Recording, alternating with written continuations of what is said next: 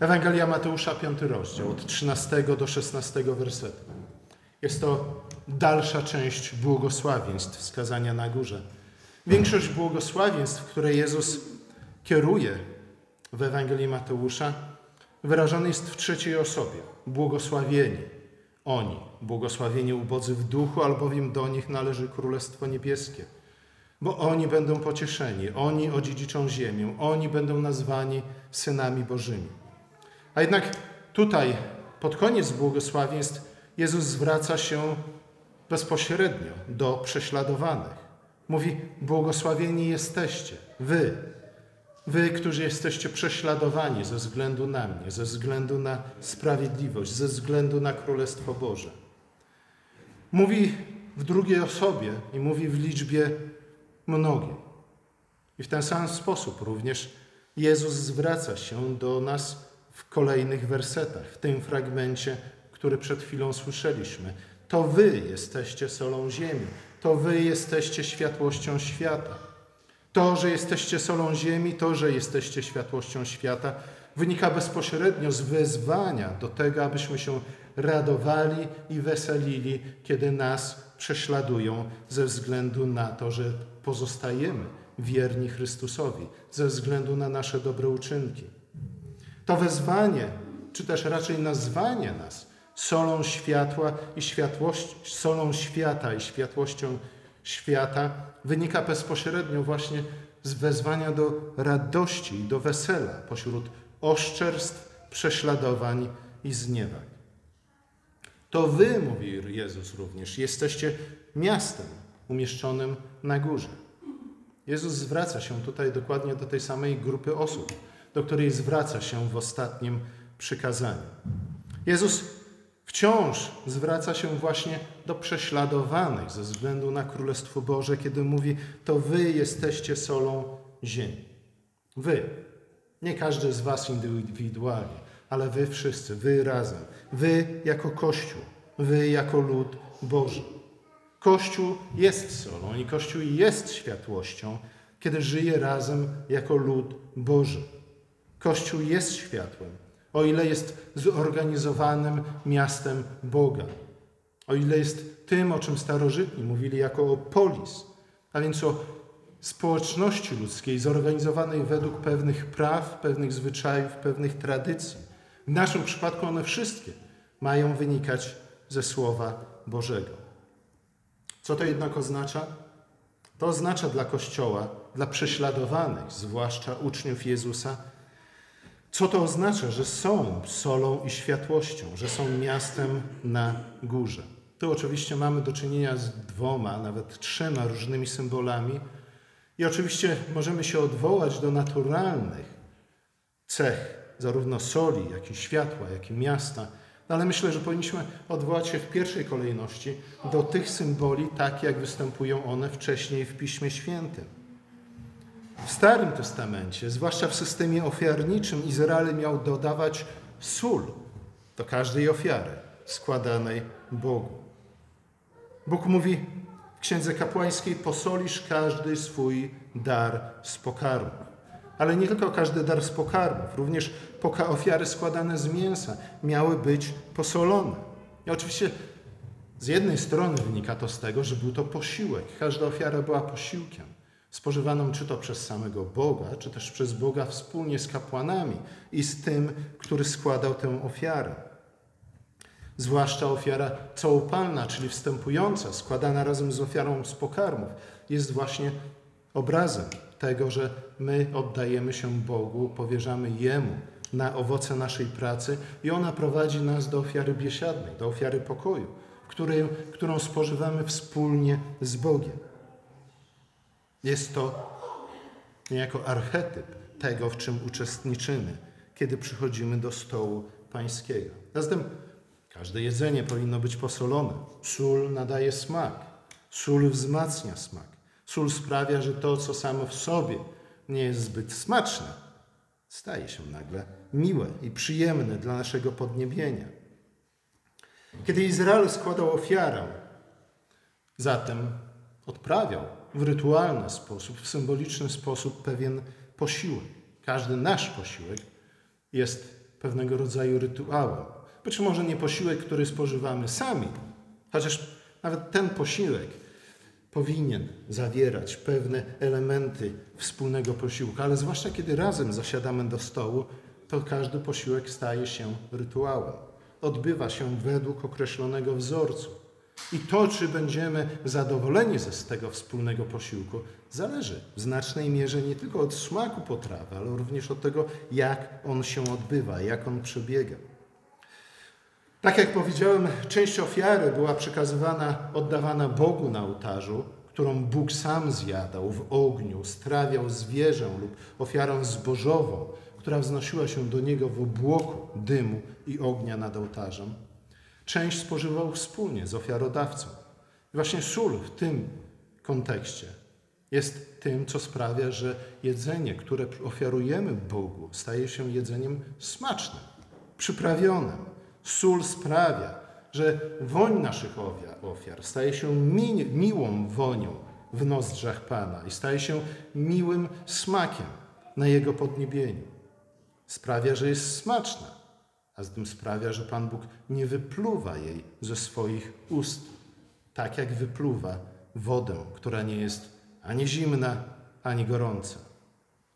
Ale Księga Kapłańska mówi również o soli, czy też nazywa sól dodawaną do ofiar solą przymierza. Dlaczego solą przymierza? Pewnie z tego powodu, że sól jest również konserwantem, a więc sól sprawia, że jedzenie jest w stanie przetrwać bardzo długi okres czasu. Sól w tym przypadku, nazwana solą przymierza, wskazuje na wieczny charakter przymierza, a więc na wierność Boga wobec Jego ludu, ale również wzywa nas do wierności Bogu. Kiedy Bóg zawarł przymierze ze swoim ludem na górze Synaj, lud odpowiedział wszystko, co powiedział Pan. Uczynimy i będziemy posłuszni.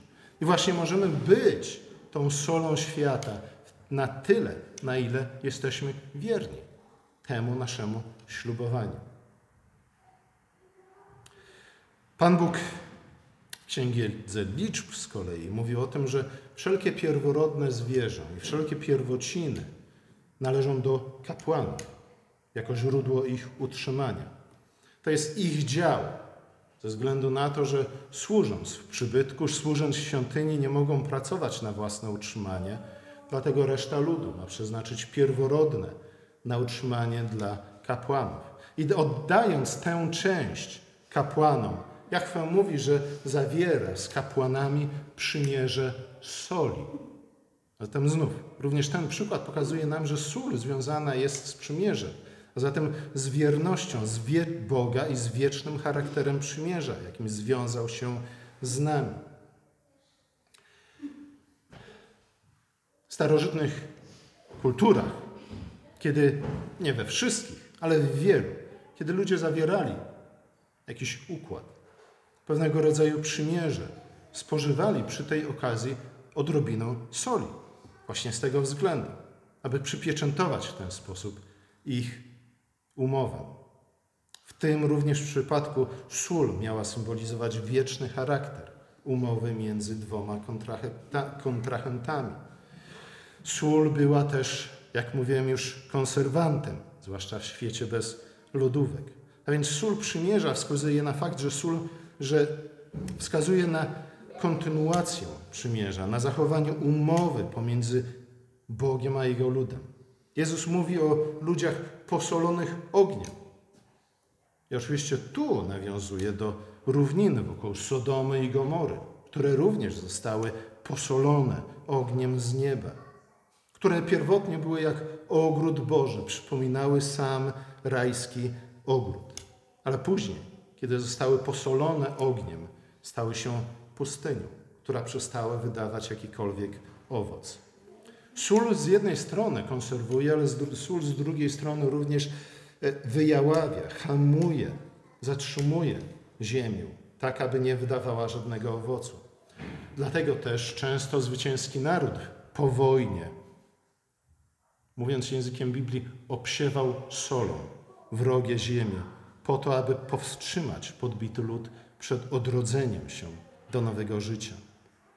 Tym, w tym przypadku sól również symbolizuje zerwanie ze starym życiem, ze starym światem, zerwanie z przeszłością, śmierć, ale też z drugiej strony symbolizuje nowy początek.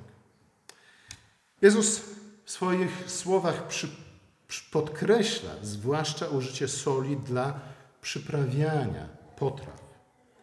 I to właśnie Jezus stwierdza dalej w wersecie 13, kiedy mówi, że sól, jeśli stanie się bez smaku, staje się bezużyteczna. To greckie słowo jest bardzo interesujące i ciekawe ze względu na to, że ono oznacza nie tylko coś, co jest bez smaku, ale przede wszystkim coś, co jest bez sensu, coś, co jest głupie. Kiedy sól, sól zgłupieje kompletnie i do końca, jest bez sensu. Nie można z nim zrobić. Nawet nie można posolić, czy też obsiać nią wrogiego pola. Jest solą, która do niczego się nie przydaje i dlatego zostaje wyrzucona. Nie jest dobrą solą, ponieważ jest głupią solą. Głupią ze względu na to, że straciło coś, co z definicji powinno przynależeć do soli. Nie wiem, czy próbowaliście kiedyś pozbawić sól jej smaku. Generalnie rzecz biorąc, jest to niemożliwe. A jednak w przypadku nas, ludzi, jak mówi Jezus, to się zdarza. Tak się zdarzyło wielokrotnie w przypadku ludu w czasach Bożego, w czasach Starego Testamentu.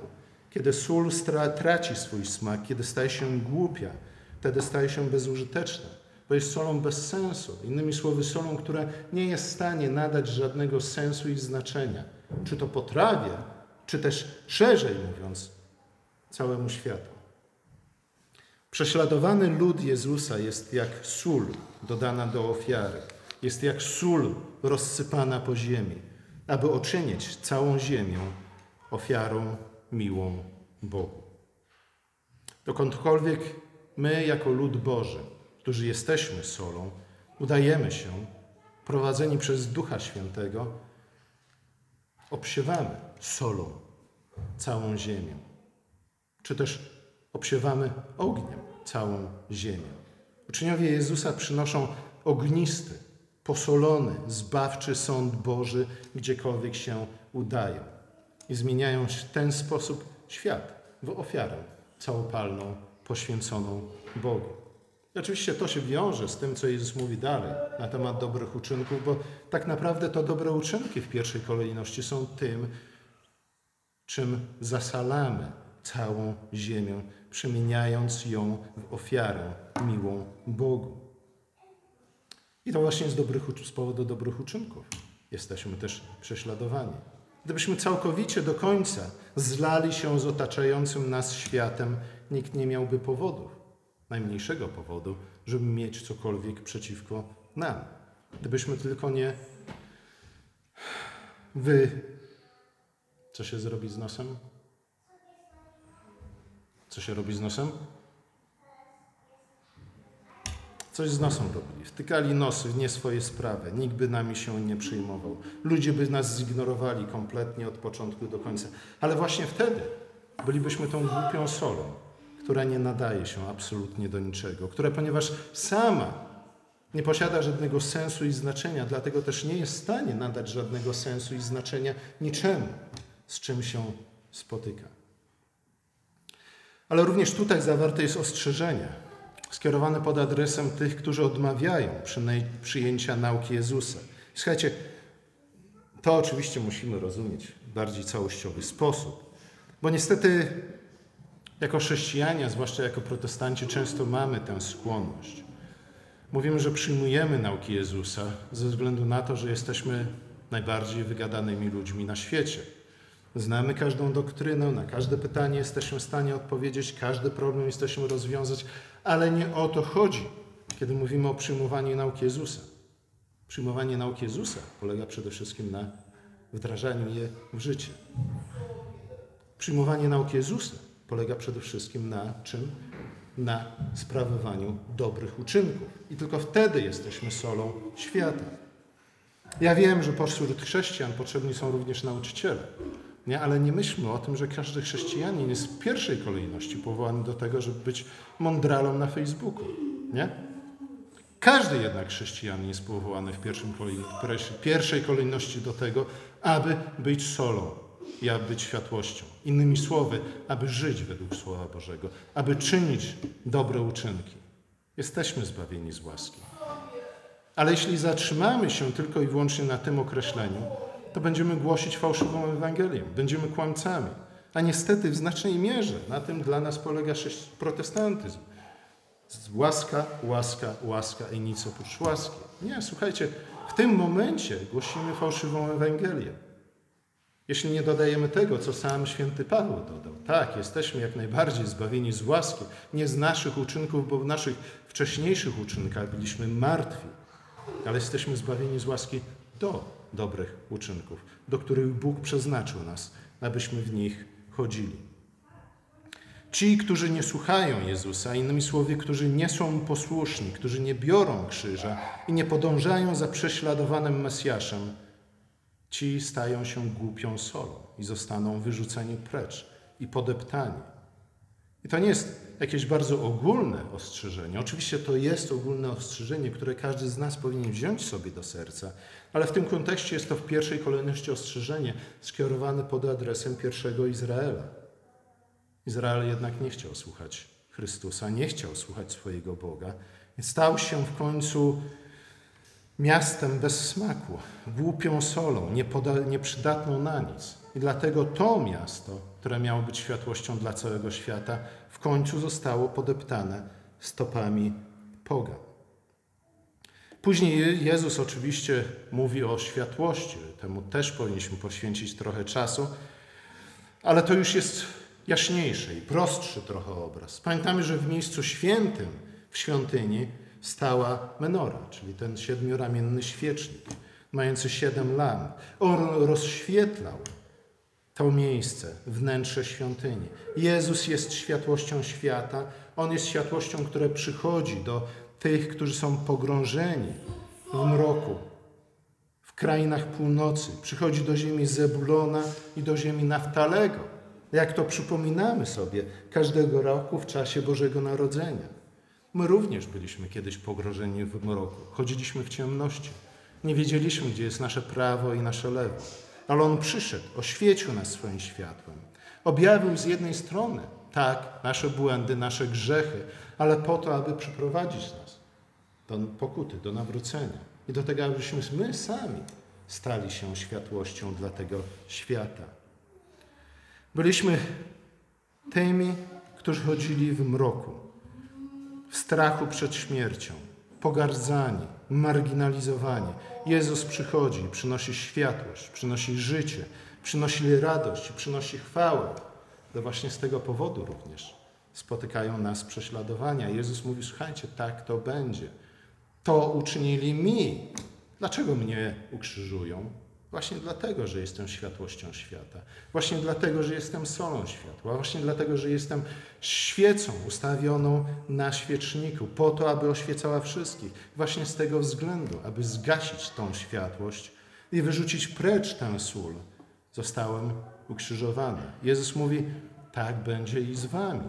Ale radujcie się właśnie z tego powodu, ponieważ gdy jesteście prześladowani nie w sensie ogólnym, nie ze względu na waszą własną, wrodzoną głupotą, ale ze względu na to, że jesteście moimi uczniami, że jesteście światłością i solą dla świata. Radujcie się, bo to jest potwierdzeniem tego, że podążacie za mną krok w krok. A gdzie ja jestem, tam również wy będziecie.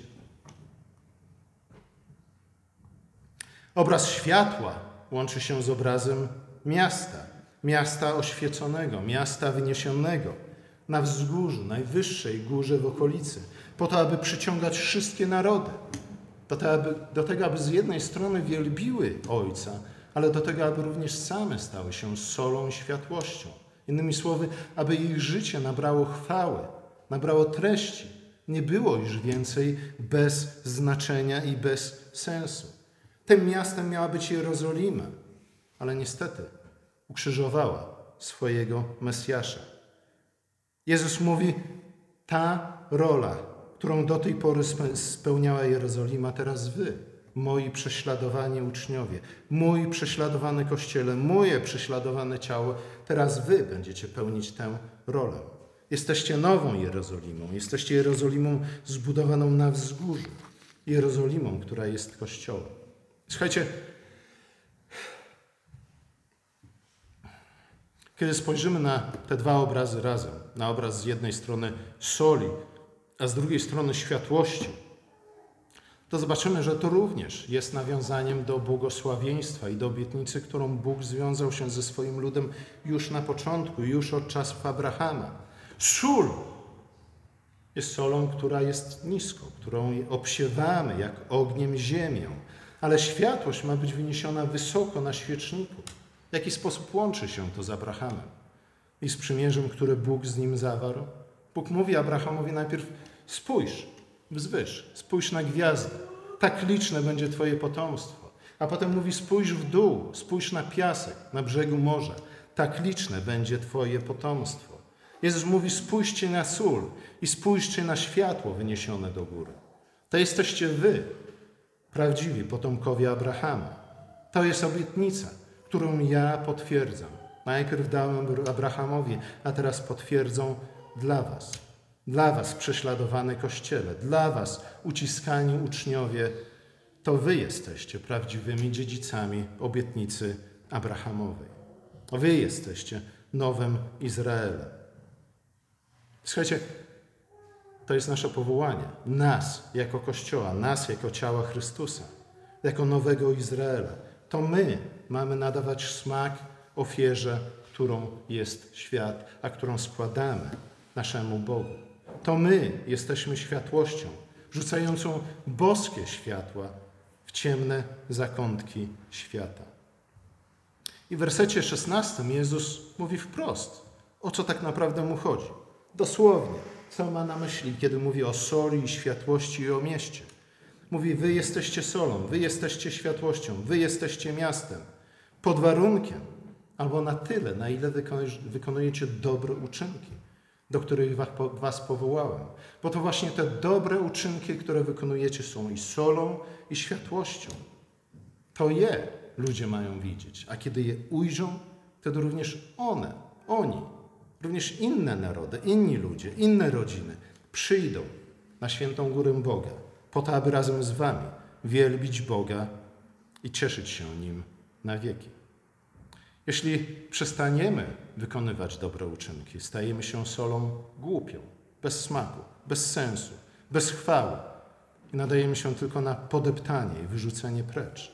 Jeśli przestajemy wykonywać dobre uczynki, to jesteśmy jak ta lampa, czy też świeca ukryta pod korcem, która nie daje absolutnie żadnego światła a zatem nie funkcjonuje tak, jak powinna funkcjonować. Znów staje się głupia, bez sensu. Dobra tylko do tego, aby wyrzucić ją precz. Świat ma być ofiarowany Bogu. Od samego początku o tym czytamy w Piśmie Świętym. Stworzenie świata, zwłaszcza stworzenie Adama, dokładnie o tym mówi. Pan Bóg mówi do Adama: idź na krańce świata, na krańce ziemi i czyń ją sobie poddaną i napełniaj ją chwałą i poznaniem Stwórcy i przemienia ją z chwały w chwałę. Tak czyniąc, napełnisz świat światłością. Tak czyniąc, posolisz go i sprawisz, że stanie się ofiarą miłą dla Bożego podniebienia. Słuchajcie, świat ma być rozświetlony, jak pierwszego dnia stworzenia. Ale tym, co zalewa świat światłem, jest obecność w nim uczniów Jezusa, którzy czynią dobre uczynki. Słuchajcie, nie ma w świecie tak naprawdę alternatywnego źródła ani smaku, ani światła. Moglibyśmy powiedzieć, ach, przecież Jezus mówi, że z kamieni może uczynić sobie dzieci Abrahama, żeby one były dobrą solą i dobrym, mądrym światłem dla świata. No tak, ale zwróćcie uwagę na to, że Jezus mówi o tym, że uczyni z kamieni nowe dzieci Abrahama i tak naprawdę to my jesteśmy tymi nowymi dziećmi Abrahamy, powołanymi do życia, które były wcześniej niczym tylko kamieniami. A jednak Jezus mówi nie o tym, że dobrze, nie potrzebują już więcej nikogo. W pewnym sensie nie potrzebuje. Ale potrzebuje w tym sensie, że chce. Chce, abyśmy to my, część Jego stworzenia, korona Jego stworzenia, byli i solą, i światłością dla świata. To nie jest tak, że nauczanie o zbawieniu z łaski przez wiarę powinniśmy rozumieć, że a, czy się stoi, czy się leży, pięć tysięcy się należy, nie? Najważniejsze, żebym y, kilka razy w roku powtórzył te słowa sola gratia, sola fide i wszystkie pozostałe sole i już jestem dzieckiem Bożym, które jest światłością dla świata i solą dla świata. Nie, słuchajcie, to jest, w ten sposób stajemy się głupią solą, bezsensowną, niepotrzebną nikomu do niczego. Możemy być solą tylko i wyłącznie wtedy, kiedy za tymi mądrymi, prawdziwymi słowami, które wypowiadamy, idą również dobre uczynki. Oczywiście nie od razu staniemy się doskonali. Nie od razu wszystkie nasze uczynki będą dobre i mądre, i słuszne, i sprawiedliwe. Ale do tego mamy dążyć. Na ile będziemy do tego dążyć? Na tyle będziemy ludźmi, do których Jezus kieruje, adresuje. Nie tylko to ostatnie błogosławieństwo, ale również wszystkie pozostałe. Świat, innymi słowy, nie osiągnie swojego przeznaczenia bez nas, bez Kościoła. Świat nie przyłączy się do tego kosmicznego uwielbienia Boga. Nie będzie mógł radować się Ojcem w niebie na wieki, o ile Kościół nie będzie wykonywał dobrych uczynków, które są widoczne dla ludzi.